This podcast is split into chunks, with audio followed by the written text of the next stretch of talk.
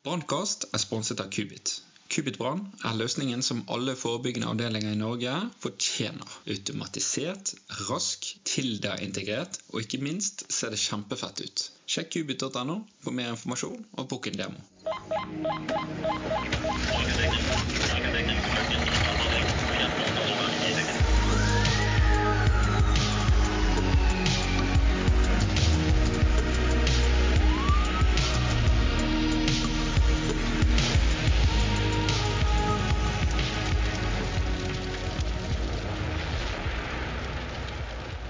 Velkommen til en ny episode i Brannmann og kreft sin miniserie. I dag er jeg så heldig å få med meg Erik Berge fra Rogaland brann og redning, og Anders Leholt Raa fra Oslo brann- og redningsetat. De er her for å snakke om utbygging av brannstasjoner. Velkommen skal dere være. Tusen hjertelig. Takk. Så spennende at dere har lyst til å være med på podkast her i dag. Kan dere fortelle litt hvem dere er? Ja, jeg heter Erik Berge. Jeg jobber til daglig i Rogaland brann og redning. Jeg har gjort det i 21 år. Jeg er til vanlig utrykningsleder på hovedstasjonen. Og har stelt mye med bygging og ombygging av brannstasjoner helt siden ca. 2013. Ja, Kult. Og du da, Anders? Jo, eh, Anders Lea Råer, Oslo brann- og redningsetat. Prosjektleder nå. Eh, vært det i ca. to år. Uh, og har uh, 14 år i etaten, hvor jeg har vært på beredskap uh, de årene før det. Så valgte jeg da å søke på en stilling, og innehar nå prosjektlederstillingen for nye brannstasjoner i Oslo. Ja, OK. Det er jo en grunn til at vi lager nye brannstasjoner. Men kan du fortelle litt om hvordan det var i gamle dager med disse stasjonene? Det er jo ganske morsomt. Jeg husker jo i min tid når jeg begynte på Grorud brannstasjon. Det høres ut som det var veldig lenge siden, det var i 2008. Men der hang det bilder av gutta fra 70-tallet. Jeg glemmer aldri bildene av disse skinnstolene med hvitt plysjteppe og askebegere på bordet. Og alle gutta satt med hver sin snerp og røyka inne. Det er klart, eh, gamle dager så var ikke Alt var ikke helt på stell. Det blei gjort mye rart. så ting har kommet seg mye bedre. Det er klart Noen av gamlegutta vil jo grine litt på nesa når de ser hvordan vi, hvordan vi gjør det i dag. Men det handler jo rett og slett om en progresjon da, i bransjen. En ganske sterk progresjon. og vi, Man ser jo tilbake fra århundreskiftet hvor man uh, knapt hadde røykdykkermasker. Så, så det er i hvert fall en uh, god kurve i riktig retning. Det er det. Så må man også vokte seg for at ikke tiltakene blir for inngripende, så ikke vi får gjort jobben vår. Men det er stor forskjell på det bildet fra 70-tallet med gutta med hver sin Petterøe tre i hånda og til i dag, da. Altså, hvordan var det på brannstasjonen? Altså, hva gjorde folk som de ville? Brannstasjonen, der var alt lov å gjøre inne. Eh, man vaska biler, de røyka inn, til og med i brannbilene. Noen ganske morsomme historier om gutta som rulla en tobakk mens de kjørte stigebilen på utrykning. Det er klart, det er jo 30-40 år siden nå. Men selv når jeg begynte i 2008, da, så husker jeg veldig godt at den gangen så var alle bildene som hang rundt av møkkete brannfolk. Hvis du begynner å titte litt rundt nå, så ser du faktisk det er ikke så mye av det. Folk er reine. altså Det å gå rundt som en møkkasabb, det er ikke kult lenger. Det var kult for 15 år siden. Nå så er det om å gjøre å være reinest mulig. Men har vært i innsats, da, selvfølgelig. Så det, det, er en, det, er en, gyllen middelvei der. Men, men det, er, det, har endra seg veldig drastisk der, altså. Den, den soten og møkka er ikke like kul når vi ser hva han gjør. Hvordan var det for deg da, Erik? Sånn, når vi begynte, Det begynner å bli noen år siden. Da var det jo sånn når du kom inn på brannstasjonen om morgenen, så kjente du jo lukta i bygget om de hadde hatt en brann på natta. Du kjente lukta i vognhallen og du kjente lukta i garderoben at nå har det vært brann i natt. Det er jo ikke sånn lenger. Jeg har opplevd for min egen del at jeg har glemt klær i utrykningsgarderoben. Privatklær. Og så etter et døgn da, så eh, tok jeg det på meg igjen, og så merket jeg at det luktet helt jævlig. Det luktet skikkelig brent. Eh, og ja, altså jeg fikk jo kommentarer fra, ja, fra eksen min da at du, du kan ikke gå rundt og lukte sånn som det der. Det er ikke bra. Og, men jeg merker jo selv da at eh, sånn lukt, da du, du, glemmer jo det litt. Eh, du blir så immun mot det eh, når når man har jobbet i det en god stund. da. Jeg husker jo selv da jeg jobbet på Peppes i mine yngre dager. Og eh, den pizzalukten du kjenner utenfor Peppes Pizza, den, den, er jo ikke noe eh, Den blir jo immun for. Og det er jo nå i nyere tid at jeg har fått tilbake den lukten av Peppes. Det var litt spesielt, da. Du hadde barnehager på besøk. Så sier jo de at her lukter det uh, lukter brann i garderoben. Og vi som jobba der, vi kjente det gjerne ikke. For det, vi var på en måte så vant med den lukta. Og det husker jo, husker jo selv uh, når jeg begynte og vi ikke var så pertentlige med dette. Så kanskje litt drøyt å ta med, men alle husker jo de der sorte busemennene som eh, de kom jo all masse, for det var jo så mye sot i neser og alt mulig. Det er ikke bra, vet du. Det, det, altså, selv vi som burde visst bedre, visste ikke bedre. Men det handler om holdninger. Det går kun på holdninger, og det går på informasjon og opplysning. Eh, Veit du ikke bedre, så gjør du ikke bedre. Men, og Derfor er det arbeidet sånn som Brannmenn mot kreft har holdt på med i mange år. altså Se bare den progresjonen de har hatt på kunnskap overfor resten av bransjen. Det hadde ikke altså det, er, det, er, så utrolig viktig. da, og Det, det går også på holdningsskapende arbeid inn i, i eget brannvesen. Eh, si nei når gutta ja, men det, det, var bare en tørrkok. Ja, OK, det tar litt lengre tid. Men én tørrkok det er sjelden problemet. Når du begynner å ha noen av de i løpet av karrieren, så begynner det faktisk å bli et ganske stort problem. Men man ser det ikke før det er for seint. Så, så, der er det viktig å tørre å si fra overfor makkeren, selv om det ikke er så kult. Du kan virke litt eh, kjip, men nei, vet du hva, dette ønsker jeg ikke. Og det er rett tilbake til det at når du kom hjem og andre sa det lukter jo brann av deg, og du, du, knapt har vært i brann, du har glemt igjen tøyet, og så tok det på deg, så lukter du ikke sjøl. Så man blir, man mister litt uh, overblikket selv, da. Rett og slett. Og da, da er det viktig med å ha gode holdninger på dette. Ja, og der har jo dere en veldig viktig kampanje, Erik. Eh, ikke sant? Ja, vi har jo hatt en kampanje med rene brannfolk og feiere. Der en på en måte må ta vare på kollegaene og på en måte si fra hva som er greit og hva, hva som ikke er greit. Vi på en måte jobber med det hver dag da, eller når vi er på jobb. Mm. Ja, Det er viktig det du sier der, at det er, ikke, det er ikke noe du driver med innimellom. Dette må du gjøre hver dag. Hver mm. vakt du går på, så må du ha fokus på dette. Og jo mer du har fokus på det, jo lettere blir det. Og aldri ta noen snarveier. For til syvende og sist er det kun én som taper på det, og det er en selv. Det er ingen mm. andre rundt Det er ingen andre rundt som kommer til å tape det. Det er en, e, kun en selv som har noe å tape på det. Og det, det Så tøff må man være å kunne tørre å si til seg sjøl hei, jeg må faktisk følge med ja, man lurer jo seg sjøl. Og eh, hvis man fortsetter å lure seg sjøl gang på gang, så blir jo det en vane. Og til slutt så vil du sitte igjen med, med svarteper, da. Så det er viktig at man, man tar ansvar, rett og slett. da. Eh, absolutt viktig. å kvitte seg med den der kulturen, dårlige kulturen. Men heller opprettholde en god, bærende kultur. Det, det, sammen med gode, praktiske brannstasjoner som ikke lager ren og uren sone til en tidstyv. Mm. Man må prøve å gjøre det mest mulig fleksibelt, så folk er fortest mulig ferdig. Mm. Eh, bruke penger på de tiltakene der, fordi det er småere eh, sammenligna med å få noen syke. Mm. Det er eh, småkroner, faktisk. Ja, det er helt sant. Og det er jo litt eh, her episodens eh, kjerne kommer inn. da. Eh, og her har jo deres Dere sitter jo i en gruppe. Dere har jo blitt til en gruppe som driver med utbygging, eller en veileder i forhold til utbygging av brannstasjoner. Kan du fortelle litt om hvordan dette ble til? Det blei tilfeldig og tilfeldig. Brannmenn mot kreft har jo sett at med resten av bransjen at det er et behov for en standardisering. Det er det ikke i dag. Eh, vi har eh, dimensjonering, gamle dimensjoneringsforskriften og eh, nå nye brannvesenforskriften, som sier veldig mye om hvordan brannvesenet skal være organisert, men egentlig veldig lite om hvordan en brannstasjon skal være organisert. I tillegg så har jo fokuset på ren og skitten sone blitt veldig aktualisert, ja, i hvert fall de ti siste åra, om, om ikke Ja. Og da har jo, da har jo Brannmenn mot kreft tatt kontakt med en rekke brannvesen som har mye erfaring eh, med brannstasjoner. Eh, så det begynte egentlig som en idémyldring fra Tommy og resten av gjengen i Brannmenn mot kreft. Og så blei vi til slutt enige om at eh, dette kjører vi på, dette ser vi et helt klart behov for. tenker en jo det at en, en, en brannstasjon i hvilken som helst kommune, det er jo noenlunde lik funksjon.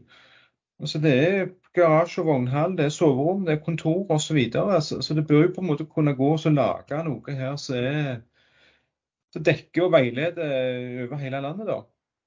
Mm. Ja, og det er jo et mål at eh, dette, dette, denne, denne, standarden eller veilederen som vi skal lage, den skal ikke være spesifikt verken om det er Oslo, Rogaland, Alta eller hvor det er. Det skal kunne passe inn i egentlig alle brannstasjoner basert på den jobben vi gjør på generelt grunnlag.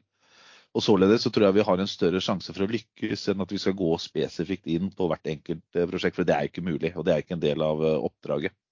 I tillegg så ser man jo at eh, det er krevende å bygge brannstasjoner. Både Erik og jeg har nok vi har snakka mye om det, om at det å, å innhente kompetansen eksternt fra, den er veldig vanskelig. Vi har hatt mange forskjellige firmaer i Oslo som har vært involvert. Og vi ser at det, beklageligvis er det litt voksenopplæring gang på gang. Fordi brannstasjoner er veldig sært. Og det er ikke noe verken utførende entreprenører eller rådgivere jobber med så mye til daglig. Og Ser du i mindre kommuner, da, så havner gjerne dette her fort i, i fanget på, på brannsjef eller varebrannssjef, som har egentlig mer enn nok oppgaver fra før. Så skal han på en måte drive som Anders sier, litt opplæring av arkitekter og gjerne kommunal eiendomsdrift osv. på hva, hva brannvesenet vil ha. Så det er en, eh, en krevende oppgave når en ikke har noe på en måte peke på at sånn, sånn og sånn skal det være. Ja, og Samtidig så har jo Arbeidstilsynet lagt en del føringer til grunn i sin samtykkebehandling for brannstasjoner. Eh, og den skal være, altså prinsippene er like for eh, hvordan vi håndterer ren og skitten sone, selv om brannstasjonene kan se vidt annerledes ut utafor utenfor de områdene. Men, og Derfor så vi at ren og skitten sone er noe vi kan gjøre noe med på landsbasis. Så kan det heller være opp til den enkelte brannvesen om de skal ha så dype vognhaller, så høye, så brede osv. Det, det er ikke problematisk, men det med å håndtere ren og skitten sone, det er et problem som alle brannvesen har, helt uavhengig av størrelse. Det, kommer fort opp et spørsmål om hva, hva, er, det, hva er godt nok. Det handler jo om penger, dette her, og prioritering av arealet og opp mot andre kommunale budsjett og prosjekter. Hva, hva, liksom, hva er godt nok? Hvor, hvor mye må til? Ja, og Samtidig der så bruker vi jo i, i standardiseringa når vi har begynt å jobbe nå, så, så, kommer vi til å bruke eksempler. Men igjen så er det ikke det konkrete brannstasjonen. For den perfekte brannstasjonen finnes ikke. Selv om Erik og jeg synes at våre prosjekter er veldig bra, så, så, så må vi være så ærlige og si at uh, ingenting er perfekt. Så må vi i hvert fall gjøre tilnærma perfekt, spesielt det med ren og skitten sone, for alle på landsbasis, uavhengig om det er heltid og deltid. For det er det ingen forskjell på. Brann er brann, og, og, sot er sot, uansett, uh, uansett om du er heltid eller deltid. Ja, så absolutt. Men dere har jo jobbet med dette her en eh, god stund nå, da. Eh, hva er det dere har lært av dette? Når vi, vi starta dette, her, så, så famla vi vel kanskje litt i, i, starten over hva vi egentlig skal ha. Altså hvor mye må til, og hvor skal du ha garasje, hvor mange soverom må du ha, hvor mye garderobe trenger du, skal du ha garderobe på soverommet, skal du ha garderobe felles for alle avdelingene, en plass i bygget? Osv. Så jeg tenker, jeg tenker, Den store jobben er jo gjerne å begynne tidlig med, med, å på en måte beslutte litt hva, hva skal en egentlig bygge. Skal en bare bygge brannstasjon, eller ender en opp med nærmere et sånn ressurssenter der en skal samle lager for sivilforsvar, en skal samle samarbeidende etater osv. Begynne tidlig og på en måte se over hva du må ha og hva, hva som trengs. Tenker det. Mm. Det ser vi jo I Oslo så har vi jo hatt, vi har hatt ulike typer prosjekter. Vi har hatt eh, de rehabiliteringsprosjektene eh, som er veldig krevende. fordi da skal man prøve å innpasse dette i et eksisterende bygg. Og spesielt eh, to av byggene vi har hatt, Briskeby og Grorud, har vært eh, verneverdige bygg. Og det å få det inn i et verneverdig bygg, det skal jeg love deg, det er krevende. Og det krever en ganske intens brukerinvolvering. I tillegg så har vi hatt de midlertidige brannstasjonene som da, da, er midlertidig, og da må vi ha en aksept for at det er midlertidighet. Så ser vi at de blir stående litt lenger enn ønska. Og så er det som Erik sier, så kommer vi til de nye brannstasjonene.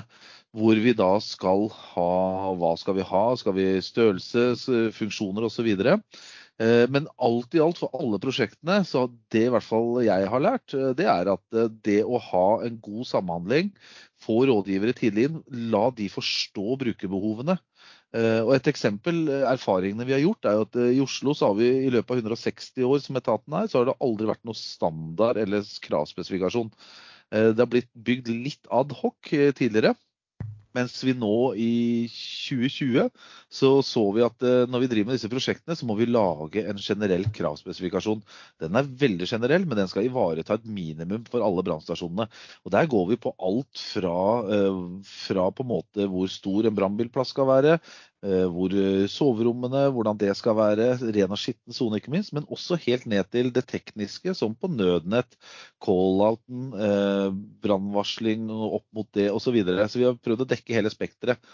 Samtidig som det skal være løsbart for den enkelte stasjon, så man ikke eliminerer noe.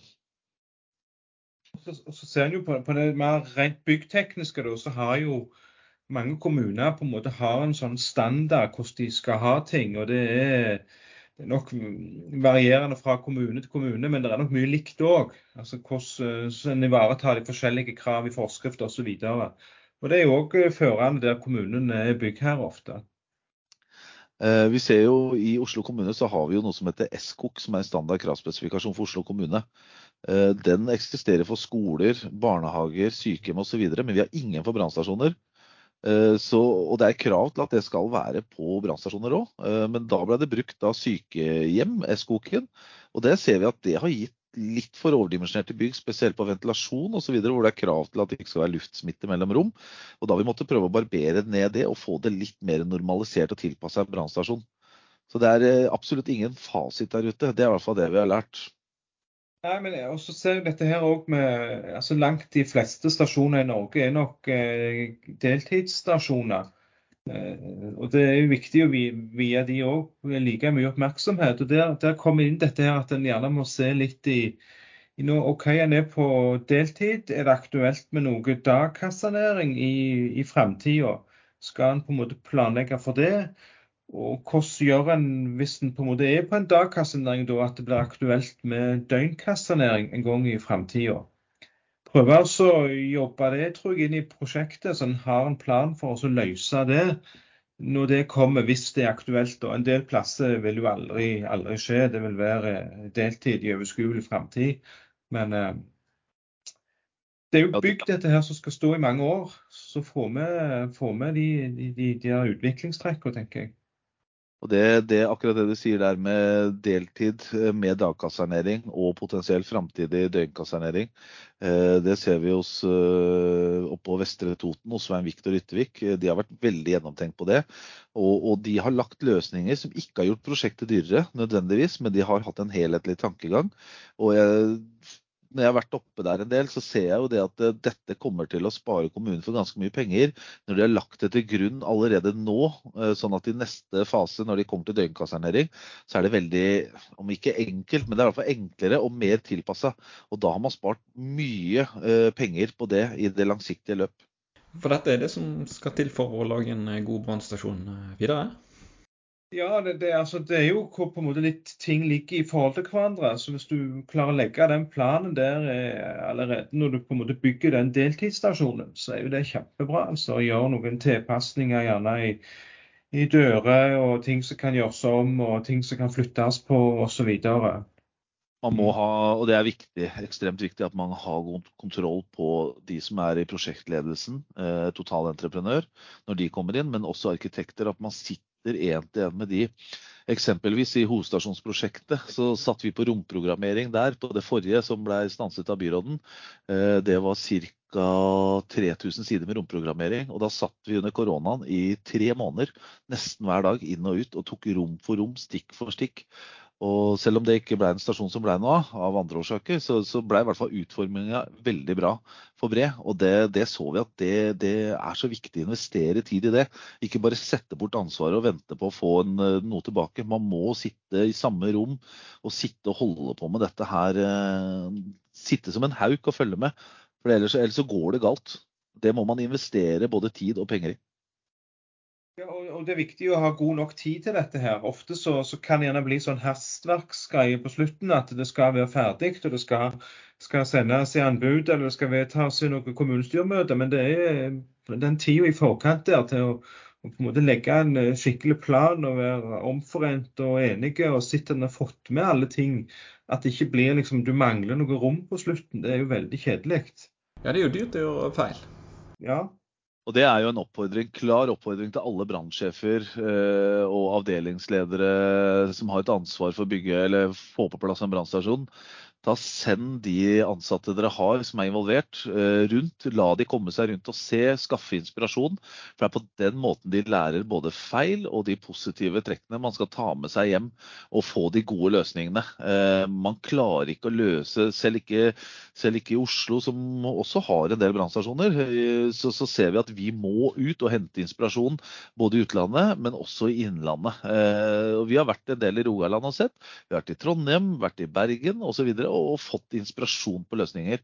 Og den inspirasjonen der, den er gull verdt altså når man sitter med et ferdig prosjekt. Da kan man se tilbake på og si at det var ganske taktisk lurt.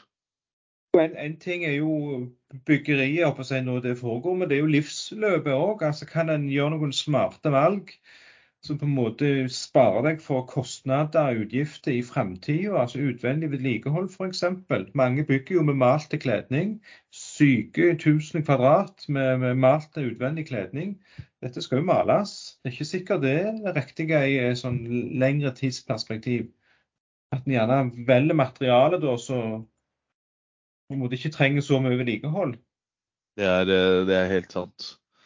Det er jo veldig bra, men har det vært lett å få tak i informasjon om dette her, da? Nei. Det er, eh, det er, eh, går mye på relasjoner. Det går mye på å tørre. Og det går mye, mye, på det å tørre å faktisk si at veit du hva, dette er vi ikke gode på. Dette må vi ha mer kunnskap om. Eh, for det er nok mange som syns at den Altså det er en stolthet som sitter langt inne for mange, tror jeg, inkludert en sjæl. Men jeg ser at det, det å ut og hente og samhandle med andre, det, det gir en solid gevinst, altså. Det er jo ofte sånn når du reiser rundt og så snakker du med de som på en måte var prosjektledere. ikke sant? Og De, de syns jo det de har gjort er bra. Så får du kanskje en annen historie hvis du på en måte treffer bakkemannskapet som bruker bygget til daglig. Så vil jo de peke på, på, ting som ikke fungerer sånn som det var tenkt, eller ting som burde vært større og ting som burde vært annerledes. Det er jo helt klart. Så det er jo viktig å få historien fra, fra flere hold her. Ja, og et tips er jo Jeg har jo overnatta Jeg har ikke overnatta hos dere i Rogaland, men jeg overnatta både i Bergen, på nye hovedstasjon der, og i Trondheim eh, var jeg overnatta og var et par dager. Og det å faktisk få det fra brukerne, eh, hva de mener er eh, bra og dårlig, det er viktig. For det er som du sier, prosjektlederen han er ferdig han eller hun er ferdig når prosjektet er overlevert. Mens brukerne som har brukt det noen år, de sitter med ofte andre innfallsvinkler. Så, så må du, du, må, du må også Anders sier, bruke noen år før at du på en måte ser hva som ikke fungerer, og hva som, så burde vært annerledes. Det, det, er helt klart, det. altså. Hva utfordringer har vi hatt med brannstasjoner, da? Det har jo vært eh, mye gammel bygningsmasse rundt i hele landet. Det er når Arbeidstilsynet kommer med pålegg og krav om at det skal være rent og skjede, og det skal være lagt til rette og osv., så, videre, så, så ble bygningsmassen rett og slett for lite. Det er ikke plass nok. Og mange har jo òg ennå ikke hatt på en måte skikkelig orden på, på kjønnsdelte garderober tilrettelagt for, for, begge kjønn. og Det er jo noe som må tas med dette her. Ja, og det med kjønnsdelt, og det ser jeg jo. Jeg ser eksempelvis på Sentrum brannstasjon hvor vi holdt på. Der fikk vi jo, eller la jo opp til kjønnsdelt. Og det så vi eksempelvis i garderobene for uniformer. Så så vi det at skulle vi lagt opp der for kvinner og menn og, og andre, så, så, ville det krevd mye eh, Nå har vi ikke så mange kvinner på den brannstasjonen der, så det ville vært mye tomrom som sto ledig. Og, og der valgte vi heller å lage unisex skiftebåser. Og på den måten fikk vi effektivisert arealet, fordi vi var veldig skvis på det arealet. Og det tror jeg, jeg har ikke prøvd ennå, men jeg tror faktisk det i den settingen vil være veldig positivt. Og, og da har vi fått plass. Da har vi ikke mista noe annen plass. Og vi ser jo også på et annet prosjekt jeg hadde, så fikk vi jo pålegg fra Arbeidstilsynet om å lage kjønnsdelte utrykningsgarderober. Og Der ser man viktigheten å være på ballen og, og faktisk si fra, sånn som til Arbeidstilsynet at hei, dette er feil. Eh, det er ikke noe krav i dag. Fordi de, de ikke i alle settinger så forstår ikke de forskjell på f.eks. For en utrykningsgarderobe og en eh, uniformsgarderobe. Altså fra du kommer fra privattøy og skal til uniform. Eh, så der, og der har vi hatt en diskusjon, og så har det vært en veldig konstruktiv diskusjon hvor de også har skjønt hvordan vi har tenkt. Og da, da får man det sånn som vi ønsker, eh, som er mest tilrettelagt for brukerne. Er vanskelig det når du skal dimensjonere garderober. Hvor mye måte, hvor mye skal en ta i for, og hvor mye er fremtidig vekst? og hva, altså, Da vil det være litt hospitering og litt opplæring. Nå kommer fagskolen om noen år. Da vil det gjerne være folk og, og, si, derifra som skal, skal, både undervise og kanskje være med i form for hospitering eller praksisplasser. Så det, det garderober jobbes mye med. og, og har brukt masse tid på, på skap og utforming, antall dusjer og antall toalett osv. Altså det, tenker det som krever en del innsats, altså. Ja, og, og, det ser man jo med både hospitering, eh, både fra andre brannvesen, men også når fagskolen kommer. Vi har jobba en del med det på Nyo-stasjonen. Eh, og det er klart at det å fremme et krav om ja, to ekstra soverom og noen garderobeplasser, det er mange tusen kroner eh, per kvadratmeter. Men jeg mener at det er så fremmende å kunne legge til rette for at folk fra andre brannvesen og fagskolen skal kunne komme og være på besøk. Eh, klarer vi det over hele landet, å kunne ha de arenaene der for å kunne besøke hverandre, så har vi en mye lavere terskel for å reise rundt og ha bredere erfaringsdeling. Det tror jeg er utrolig viktig. og Jeg har hatt veldig god gevinst av det. Jeg, altså, jeg glemmer aldri jeg satt på hovedstasjonen i Bergen og drakk morgenkaffen og satt og så morgensolen og, og snakka med gutta. og det er liksom De stundene der da, de gir meg ganske mye. Det, det er da man får liksom prata godt sammen og, og erfart av hverandre. da. Mm. Ja, det er fint i Bergen. ja. Nei, så det, det, er liksom eh, Garderober, vi kunne snakket mye om garderober og skap. Og soverom har vi òg jobba mye med. altså det er ulike måter å løse det på. Om en velger å bygge dusj og toalett på soverom, bygge en bare toalett, bygge en dusj og toalett delt mellom to soverom osv. Så, videre. så det jeg tenker en må på en måte ikke lage seg en sånn bedriftsinterne standard. Hvordan, skal vårt brannvesen ha det? Og så får en jo jobbe videre med det, tenker jeg. Ja, og så er det en, en, ting til som vi ser nå, som kommer med framtida. Og det er faktisk dette med digital læring. Vi har snakka om garderober, vi har snakka om hvilerom, ren og skitten sone. Men det er også en oppfordring til alle der ute. Tenk digitalisering, digital læring. Eh, eksempelvis på Sentrum brannstasjon nå så har vi lagd en eh, ja, slags barløsning. Ikke, bar-bar, men en slags uh, område, uh, sosial sone, hvor vi har tilrettelagt sånn at ti mannskaper kan sitte samtidig og jobbe på sine nettbrett eller PC-er og drive med digital opplæring. Jeg tror nok ikke det er mange brannstasjoner som er tilpassa for det. og det er ikke Det kan være greit å sitte i godstolen og drive med digital læring, men det er nok ikke optimalt. Så det å faktisk også ta med seg disse aspektene inn i en digital verden, det tror jeg kan være lurt. Mm. Jeg tenker det er viktig å på en måte skille sonen òg, så ikke det på en måte Altså Der du sitter ned for å spise, da gjør du det der du sitter ned for å spise og har det på en måte koselig eh, rundt bordet. og så skal du på en måte ha et vaktskifte, så skjer gjerne det mer et møterom der ting er litt mer, eh, litt mer rydda og på en måte tilrettelagt for et vaktskifte. Det er jo svært mange brannstasjoner i Norge som sikkert har eh, vaktskifte i sofaen ikke sant? rundt eh, kaffebordet. Det er ikke sikkert det er framtida. Nei, og Det ser vi jo etter pandemien, i hvert fall i Oslo. så ser Vi jo, vi jo, var jo sterkt prega av det. Eh, og vi, vi, har ikke, altså vi, har sett erfaringer der som vi tar med oss videre når vi da må splitte lagene, altså de ikke kan møtes. Eh, og Det er faktisk også noe å ta med den lærdom med fra pandemien. Eh, nå skal man ikke overdrive heller, men i hvert fall ha noen tanker rundt hvordan kan vi løse ved neste pandemi. At vi kan opprettholde beredskapen og holde smittetallene nede ved å ha ulike adkomstløsninger. Eksempelvis den midlertidige brannstasjonen vår på Marienlyst, så fikk vi til det overhodet ikke tenkt tanken, men det var pga. rømningsveikravene. Da så vi at vi hadde to adkomster, sånn at det ene laget kunne gå ut på én eh, side, og det andre komme på, og uten at de gikk forbi hverandre overhodet. Og det fungerte eh, faktisk veldig bra. Hva med dette her med eksponering av farlige stoffer da, på brannstasjonen? Ventilasjon, ventilasjon, ventilasjon. Nei, ventilasjon har hatt mye med det å gjøre. Men også at det har vært dårlige skiller. Eh, dårlig merking, ikke minst. Der har vi jo en lang vei å gå. Eh, og, og, at det på en måte det har aldri vært i tankesettet, denne eksponeringen tidligere. Eh, I hvert fall på stasjonene man ser fra 60- og 70-tallet, så gjorde man jo alt i Vognhallen. Eh, sånn er det jo ikke i dag. Eh, så man har jo lært ekstremt mye av det. Eksempelvis eh, splitte ventilasjonsanlegg, sånn at ikke ventilasjonen i vognhallen går på boligdelen. Eh, og det koster penger, men det er sinnssykt viktig. Eh, det er det. Å skille de luftstrømmene. Så det har, vært, det har, vært, mye lærepunkter, men dette hadde jo ikke kommet uten de, alle det fokuset som Brannvern og Kreft har hatt, og Arbeidstilsynets tilsyn. hadde det ikke vært for de to punktene der, så tror jeg dessverre vi hadde holdt på litt i samme leia den dag i dag. Men det er jo dette vi, sier at en på en måte må planlegge godt i forkant. En må se på, må se på arbeidsoperasjonene en skal gjøre, og så må en på en måte se hvordan en skal løse de i et nytt eller et ombygd bygg. da. Altså rengjøring av klær, rengjøring av brannbil. Har du skumtank i brannbilen, hvordan fyller du skum? Eh, du har skitne brannslanger, hvor gjør du av de? Hvor skal du vaske de henne? Osv. osv. Så vi må på en måte ta alle de tingene der og så på en måte løse de i bygget. da. Det er jo en lang lang liste med, med åpningsoperasjoner. Og, men, ja. Eh, men, vi må ikke glemme noen av de.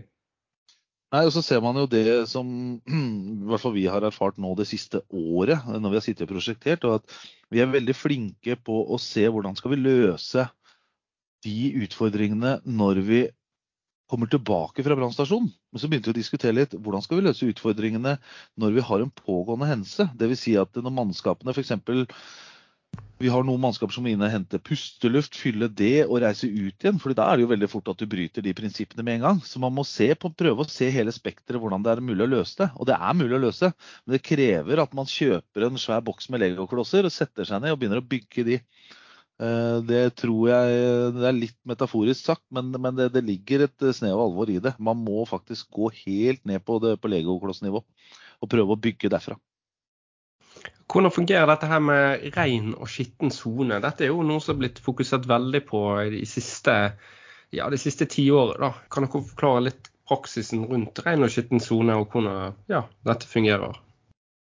Ja, altså vi, I Rogaland da, så har vi tenkt at, eh, at du kommer inn med kjøretøyet i noe som vi kaller for en klargjøringshall. Det blir jo som en ordinær vaskehall. vaskehall. på en måte Vi har bare døypt det litt om da. Kom inn med kjøretøyet, og du kommer inn med skjede utstyr som er pakket ned skikkelig på brannbilen i sekker, og gjerne lagra i en ekstern boks på taket på, på kjøretøyet. Så tar en på en måte opprydningen i den klargjøringshallen. En fordeler ting som skal til, til vask. Setter gjerne brannbekledning på vask i maskiner som ligger med god adkomst fra denne klargjøringshallen. Og så har en òg mulighet for å gå rett i dusj fra klargjøringshallen. Sånn at personer som kommer fra brannbilen, kan gå direkte inn i, i dusjer på en måte fra ei, skjede side, og så på en måte gjøre seg reine før de kommer inn i, inn i ordinær dusj. Og samtidig så, samtidig så, er det jo som du sier når man kommer ut av den dusjen, det som er viktig når man prosjekterer òg, det er å lage en løsning som gjør at det er mulig Altså ren og skitten eller ren og uren sone. Uren sone, det er Da skal man vite hvor man oppholder seg. Jeg er litt motstander av å si at det skal være urent. Altså det skal være så rent som mulig der. Det vil si at når du ikke har hatt en brann, eh, så skal du gå inn der helt vanlig kledd med uten noen form for friskluft. Altså du, du skal gå vanlig inn der. Det skal være mulig. Men når det er oppvask eh, etter en brann, så, så, så, skal man være veldig klar over hvor man er. Man skal ikke bryte de barrierene. Og Det er viktig når man prosjekterer at man ikke er låst i en sånn situasjon at man f.eks. må gå den samme motsatte veien som mannskapene har gått når det er møkkete. At du har mulighet til å gå bruke sidedører og kunne gå inn for ellers så har du på en måte ødelagt litt prinsippet, for da begynner du å tråkke opp i det møkkete, f.eks. dusjen. Det, og det, det, så jeg det var en brannstasjon, et nabobrannvesen, som fikk innspill fra Arbeidstilsynet. Eh, hvor de ringte og spurte litt. Eh, hvor de sa at hei, nå, vi får ikke lov til å lage en felles trasé som vi kan gå inn når vi er rene. Vi må bruke garderoben og dusjen tilbake. Og det tenker jeg, da er det jo mot sin hensikt. Da begynner vi å tråkke opp i der vi akkurat har spylt oss. Det blir helt feil.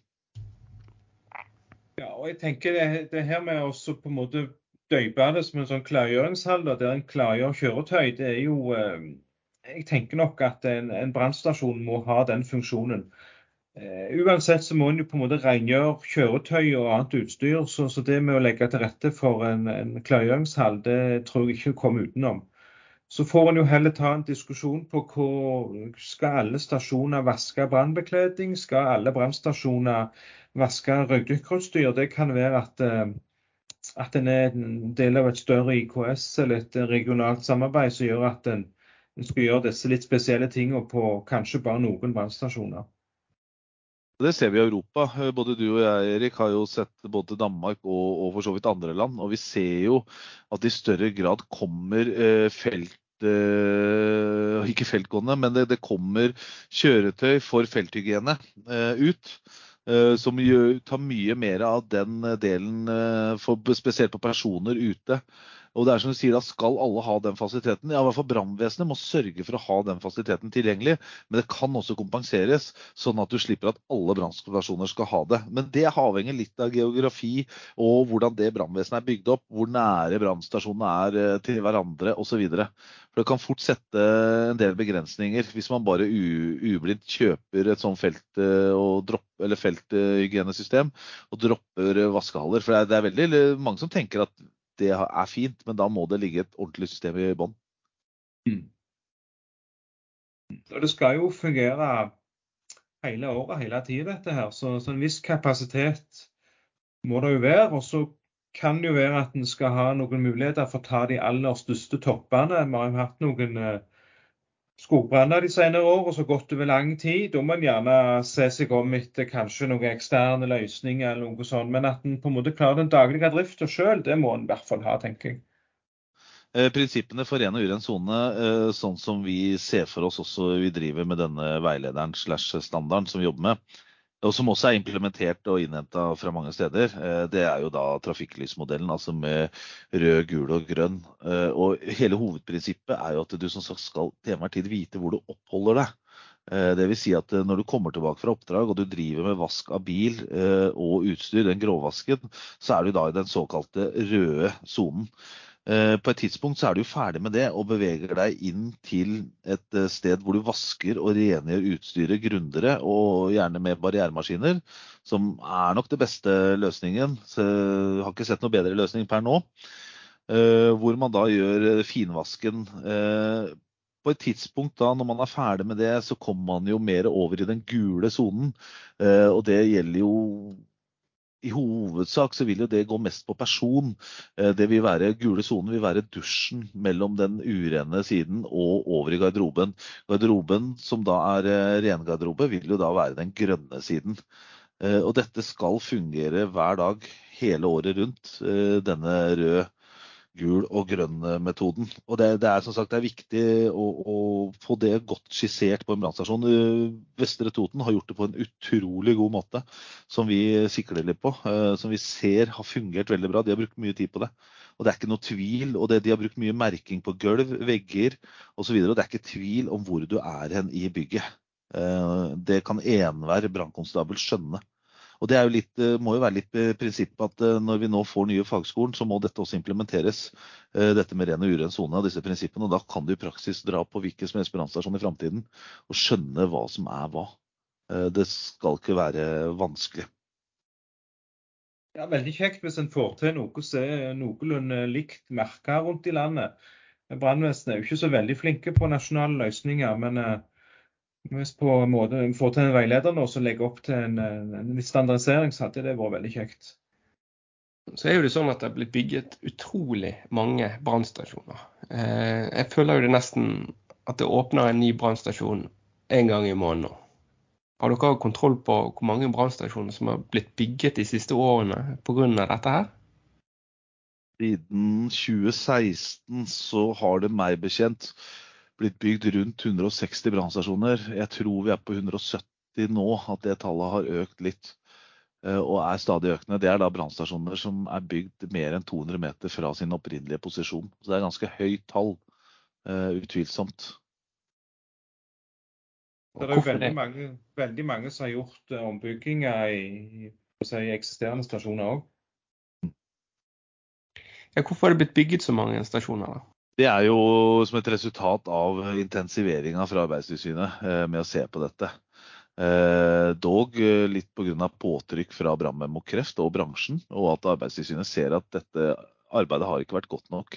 Eh, I dagens som sagt, dimensjoneringsforskrift, den som gjaldt, har gjeldt fram til 1.3 i år, så har det stått mye om brannstasjoner, men det har stått veldig lite. Det har stått bare at de skal være trygge og sikre osv. Det, det, det blir litt sånn Ja, det, det er ikke helt reelt, da. Så Arbeidstilsynet ved, vedgikk at den kontrollen har ikke vært god nok. Den har vært altfor overlatt til det enkelte brannvesenet. Og det å kontrollere seg selv, det har sjelden vært noen god løsning. Så gikk Arbeidstilsynet inn, og i en års, jeg tror det var 2016 til 2019, så har de kontrollert ca. 320 brannstasjoner.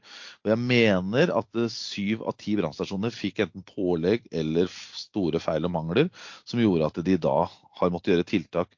Og i praksis nå så gjelder alle de tiltakene for alle brannstasjoner. Jeg tror siste frist var til 24 generelt på basis, men så er det noen brannstasjoner, som også i Oslo, som vi har fått eh, pålegg om at det må utbedres umiddelbart. Så det har vært litt ulik grad her, da. Og så er jo det her med sikring av brannstasjoner. Hvordan har det blitt? Eh, altså hvordan er det nå, egentlig? En brannstasjon havner dessverre litt mellom eh, to stoler. fordi det er jo et vanlig samfunnsbygg, samtidig som det er et eh, risikoutsatt bygg. Nå er ingen eh, brannstasjoner i Norge så vidt meg bekjent definert som KIX-bygg, altså kritisk infrastruktur. Men dog så er det viktig å beskytte brannstasjoner mot brann, tilsiktede handlinger og, og ulykker det er opp til det enkelte, enkelte, kommune selv i forhold til plan- og bygningsforskriften å vedta hvordan de skal gjøre det. Eh, I tidligere dimensjoneringsforskrift så sto det klart at brannstasjonen skulle sikres mot hendelser. Den er tatt ut av nye brannvesenforskriften nå i 1.3, og jeg er ikke helt sikker på hvorfor. Eh, men uansett, en brannstasjon må jo sikres mot hendelser. Brann, tilsiktede hendelser og ulykker. Og spesielt dette med brann, så mener jeg jo at litt for mange brannrådgivere i noen tilfeller har tatt for lett på det. Eh, hvor man har hatt eksempler hvor brannstasjonen har hatt noen utfordringer eh, knyttet til brannsikkerheten. Hvor man har brukt argumentet at eh, jo, det er kompenserende at brannvesenet er så nære. Jeg mener at man må gjøre det stikk motsatte og kompensere for at brannvesenet ikke er til stede. Vi må ta høyde for at en brannstasjon kan det begynne å brenne i. Det har skjedd i flere brannstasjoner. Og da må vi ta høyde for at mannskapene ikke er inne. Og stole på at mannskapene er inne til enhver tid, det blir helt feil. Og det har vi sett hvor katastrofalt enkelte Vi har hatt noen brannstasjoner som har brent ned de siste ti åra, et par stykker, eh, hvor det f.eks. ikke har vært brannvarsling på brannstasjonen. Og det er jo veldig uheldig. Så, et minimumskrav bør på plass, spesielt med brannvarsling og enkle sikkerhetstiltak. Men det skal heller ikke være noe Fort Knox. Eh, man skal kunne sikre utrykningsveiene for mannskapene innad i bygget, og det er viktig å ta med seg. Ja, ja, men det er jo bra. Um, og så Før vi uh, runder av, da, så, uh, så, tenker jeg kanskje vi skulle Jeg skulle spurt dere hvilke brannstasjoner er finest i Norge? oi, oi, oi. Er det lov å velge én, eller må man Nei, velge flere? Erik, du ser bestemt ut. Nei, altså, det, er jo gjerne ikke Vi skal gjerne ikke se så på utsida, for den brannstasjonen skal jo fungere innvendig. Det er jo det som er på en måte viktig for oss, da. Hvordan den ser ut på utsida, det, det, betyr ikke så mye, det. Det Ja, men, men eh, det bygges jo brannstasjoner i mange, mange slag. altså Både av betongbygg og trebygg og osv. Så, så, det er litt sånn, det er vanskelig å liksom peke på at det er den fineste. Det, det er ikke så lett, det, altså. Jeg må, jo, jeg må, jo, rose Rogaland, som har bygd Skankenålen. Jeg kjenner jo hva som ligger bak det. Sandnesbygget var kjempefint. Bergen er også kjempefint. Samtidig så ser jeg jo hovedbrannstasjonen i Oslo, som jeg sitter på nå, ekstremt mye sjel. Og det å faktisk at den blir revet neste år og vi mister den, det er ufattelig tungt. Men det er noe sånn det er. Men å kunne sette fingeren på én perfekt brannstasjon, det tror jeg ikke jeg klarer. Fordi det er lik som med en brannkonstabel. Det finnes ingen perfekt brannkonstabel de, de, byggeriene som vi kjenner til, er jo kompromiss på tomtestørrelse og reguleringsplaner. og Det er mye som spiller inn. altså. Det skal jo passe litt med nabobygget òg ofte. Så det ja. Ja, men det er greit. Da fikk jeg eh, ingen svar på det. men det er jo noen brannstasjoner her. Og dere nevner jo eh, Toten, eh, altså Vestre Toten. Eh, men er det noen brannstasjoner med gode løsninger som dere kunne trukket fram? Altså her har de virkelig truffet spikeren på hodet. Jeg vil, jeg vil trekke fram én brannstasjon jeg var på, som ligger langt unna all caffè latte-butikker og, og, store brannstasjoner. Og det er faktisk Søndre Land oppe på ja, det blir oppe mot Brandbu og nordover der. En eh, kommune med 1500 innbyggere, og hva de fikk til, og hvordan den ser ut, kombinert med en ambulansestasjon, er jeg imponert, altså. Og det, Med en ganske liten kommunekasse så har de fått til mye. Nå skal det sies at de, den er inspirert også arbeidet på Vestre Toten, så det, det henger en liten rød tråd gjennom her. Men hva de fikk til på de midlene, det imponerer meg. Ja, vi i Rogaland brannredning vi har jo reist litt i utlandet og sett på brannstasjoner i Nederland og Belgia. Og Der var det egentlig litt, litt å lære. Altså, vi så at de hadde veldig fokus på at ting skulle være solid og kraftig. Og så på en måte brukte de ikke veldig mye penger på sånn utsmykking, at ting skulle være koselig. Altså En vognhall på flere hundre kvadratmeter, den trenger ikke være koselige. Eh, så, så det, men vi lærte litt der. altså. De, de, hadde veldig fokus på at ting skulle være solid og holdbart og vare i, i lang tid. Så hvis, hvis prosjektene så, i framtida har uh, mulighet for å reise utlandet, så det er absolutt anbefalende. Så gjerne Danmark, Sverige. Det bygges brannstasjoner i andre skandinaviske land òg. Ja, og Du og jeg Erik, vi har prata mye om Antwerpen. Eh, de har jo hatt flere prosjekter. De har jo all, hatt alt fra det kjempe kjempestore anlegget, den gamle Opel-fabrikken, hvis jeg ikke husker feil. Et gedigent anlegg. Eh, men så har de også bygd De reiv en bygård eh, midt i Antwerpen sentrum og bygde opp igjen. Beholdt fasaden. Eh, og det er sinnssykt kult å se at de gjenbruker i et så tettbygd område. Eh, så Antwerpen står høyt, men jeg tror nok Antwerpen er en så stor storby. Så man, man, må, man må, være litt reflektert over hvor man reiser. Eh, man ser jo f.eks. nå Moss åpner jo neste uke eh, to nye brannstasjoner som jeg har sett noen bilder på. Og de har vært veldig gjennomtenkt i sine valg. Så, så det er ikke vanskelig å finne inspirasjon, men man må, man må, ut, man må ut av sitt eget hjem og ut og hjem til andre og hente inspirasjonen. Ellers så har du ikke noe progresjon, for å være helt ærlig. Men er det noen brannstasjoner her i Norge da, som på en måte har på en måte endret eh, en slags standard? Eller ja, altså fått fram en veldig god løsning at dette her bør være på en måte et paradigmeskifte her i forhold til utbygging eller lignende? Ja, altså nå har vi I Rogaland har vi en serie på nye brannstasjoner. Den siste som er ferdig nå, den vil jeg jo påstå er veldig bra. Og Der har vi gjort mye og fått til dette her med ren og skjeden sone. Og, og tatt vare på, på de tingene som er prioritert er veldig høyt. Da. Så Det er absolutt et referansebygg hvis, hvis en skal se til noe så kan man jo ikke komme unna en, et brannvesen som, som, eh, for nå snart åtte år siden virkelig gjorde store satser. Eller de var ferdige for åtte år siden.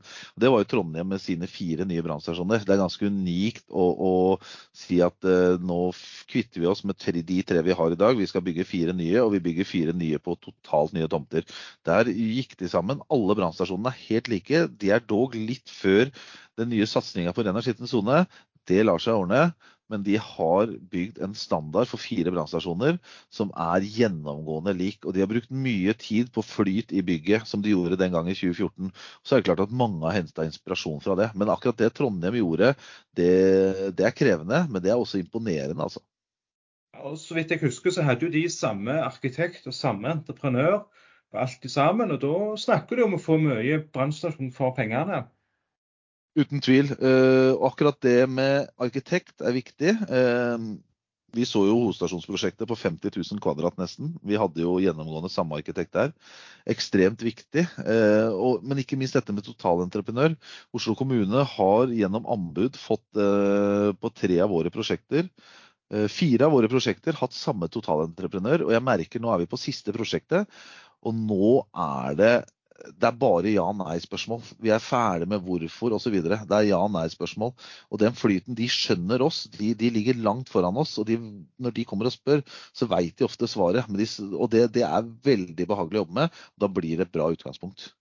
Så hva blir det neste steget for eh, brannvesenet, da? Det, det, er vanskelig liksom, å se hva blir liksom det neste. For nå rigger en jo brannstasjonene veldig bra. Og så tenker jeg at trinn to blir jo på en måte også gjerne rigge skadestedet veldig bra. Med ulike løsninger for eh, klesbytte og renhold og kanskje noe bespisning. Det er snakk om eh, noen i, Europa så bygges det jo løsninger på lastebil for eh, på en måte dusj og rengjøring på skadestedet. Det bygges løsninger i tilhenger. Så Det tror jeg er på en måte neste trinn en må kikke på. Kanskje regionale løsninger der en jobber sammen flere stasjoner og, og deler på en, en sånn funksjon. Så det, Jeg tror det kommer, altså. Det kommer, men vi ser jo i Danmark så gikk de jo sammen nå i hele Danmark om å kjøpe nye stigebiler og lagde en standard på det. Eh, en klar oppfordring nå er ikke sitte på hver vår tue. Uh, ta i store områdene, uh, uansett om det er storbyer eller altså, så lenge det er store geografiske områder, så anbefaler jeg at man går sammen og prater med naboen. Hva tenker dere? Hva tenker vi? Og så få en løsning som kan fungere på flere. Få en løsning som er mer redundant, sånn at når vår bil står på verksted, så ringer vi naboen. Eh, og litt tilbake til det, alle kan ikke gjøre alt. Det har jo vært noe som har vært snakka mye om i brannvesenet. Alle kan ikke ha droner, alle kan ikke ha luff, alle kan ikke ha det og det. Men akkurat det med felthygiene, det er noe vi bør tilstrebe drømmeforholdene hadde jo vært at det hadde blitt eh, en slags regional anskaffelse av flere enheter som man hadde kjøpt sammen, litt i det IUA-sporet. Kanskje IUA-sporet hadde vært en lur løsning å lagt det på. Men i hvert fall, vi må, vi må, vokte oss for å sitte på hver vår tue når vi kommer nå i neste fase, når brannstasjonene vi, vi, har orden på de, og vi skal ut på felthygienen. Og der bør det strenge, komme strenge krav, men da må vi også samhandle mye mer. Sånn at ikke vi ikke kjøper ulike løsninger, og så kan vi ikke bruke de om hverandre. Vi ser vi får skog skogbranner nede på Sørlandet, vi får de på Østlandet. Eh, det kan være sånn som Gjerdrup-aksjonen osv. Vi må prøve å, og dette, prøve å tenke mest mulig samhandling. Og dette går litt på det regionale og nasjonale sporet. Så her hadde jeg ønska meg særs en eh, nasjonal standard når vi kommer til felthygiene. Så det kan treffe alle. Om det er mulig, vet ikke, men det er mulig med samarbeid. Uten tvil. Da tenker jeg at det er på tide å begynne å runde av. Eh, og Siste spørsmål. Når er denne veilederen eh, ferdig? Det er vanskelig å si, men vi har en ambisjon om å gjøre dette innen utløpet av året. Vi prøver å gjøre det til lavterskel samtidig som det skal brukes. Så, så, i slutten av året håper jeg vi kan presentere noe. Så, men det er viktig at vi tar den tida vi trenger, eh, og ikke forhaster oss. Bedre med et godt resultat enn et halvdårlig resultat levert for fort. Da runder vi av. Jeg håper dette kan bidra med å gjøre det litt lettere å bygge gode, nye brannstasjoner. Vi gleder oss veldig til å se resultatet i arbeidet deres. Tusen takk for at dere stilte opp i dag. For at vi fikk komme. Kjekt.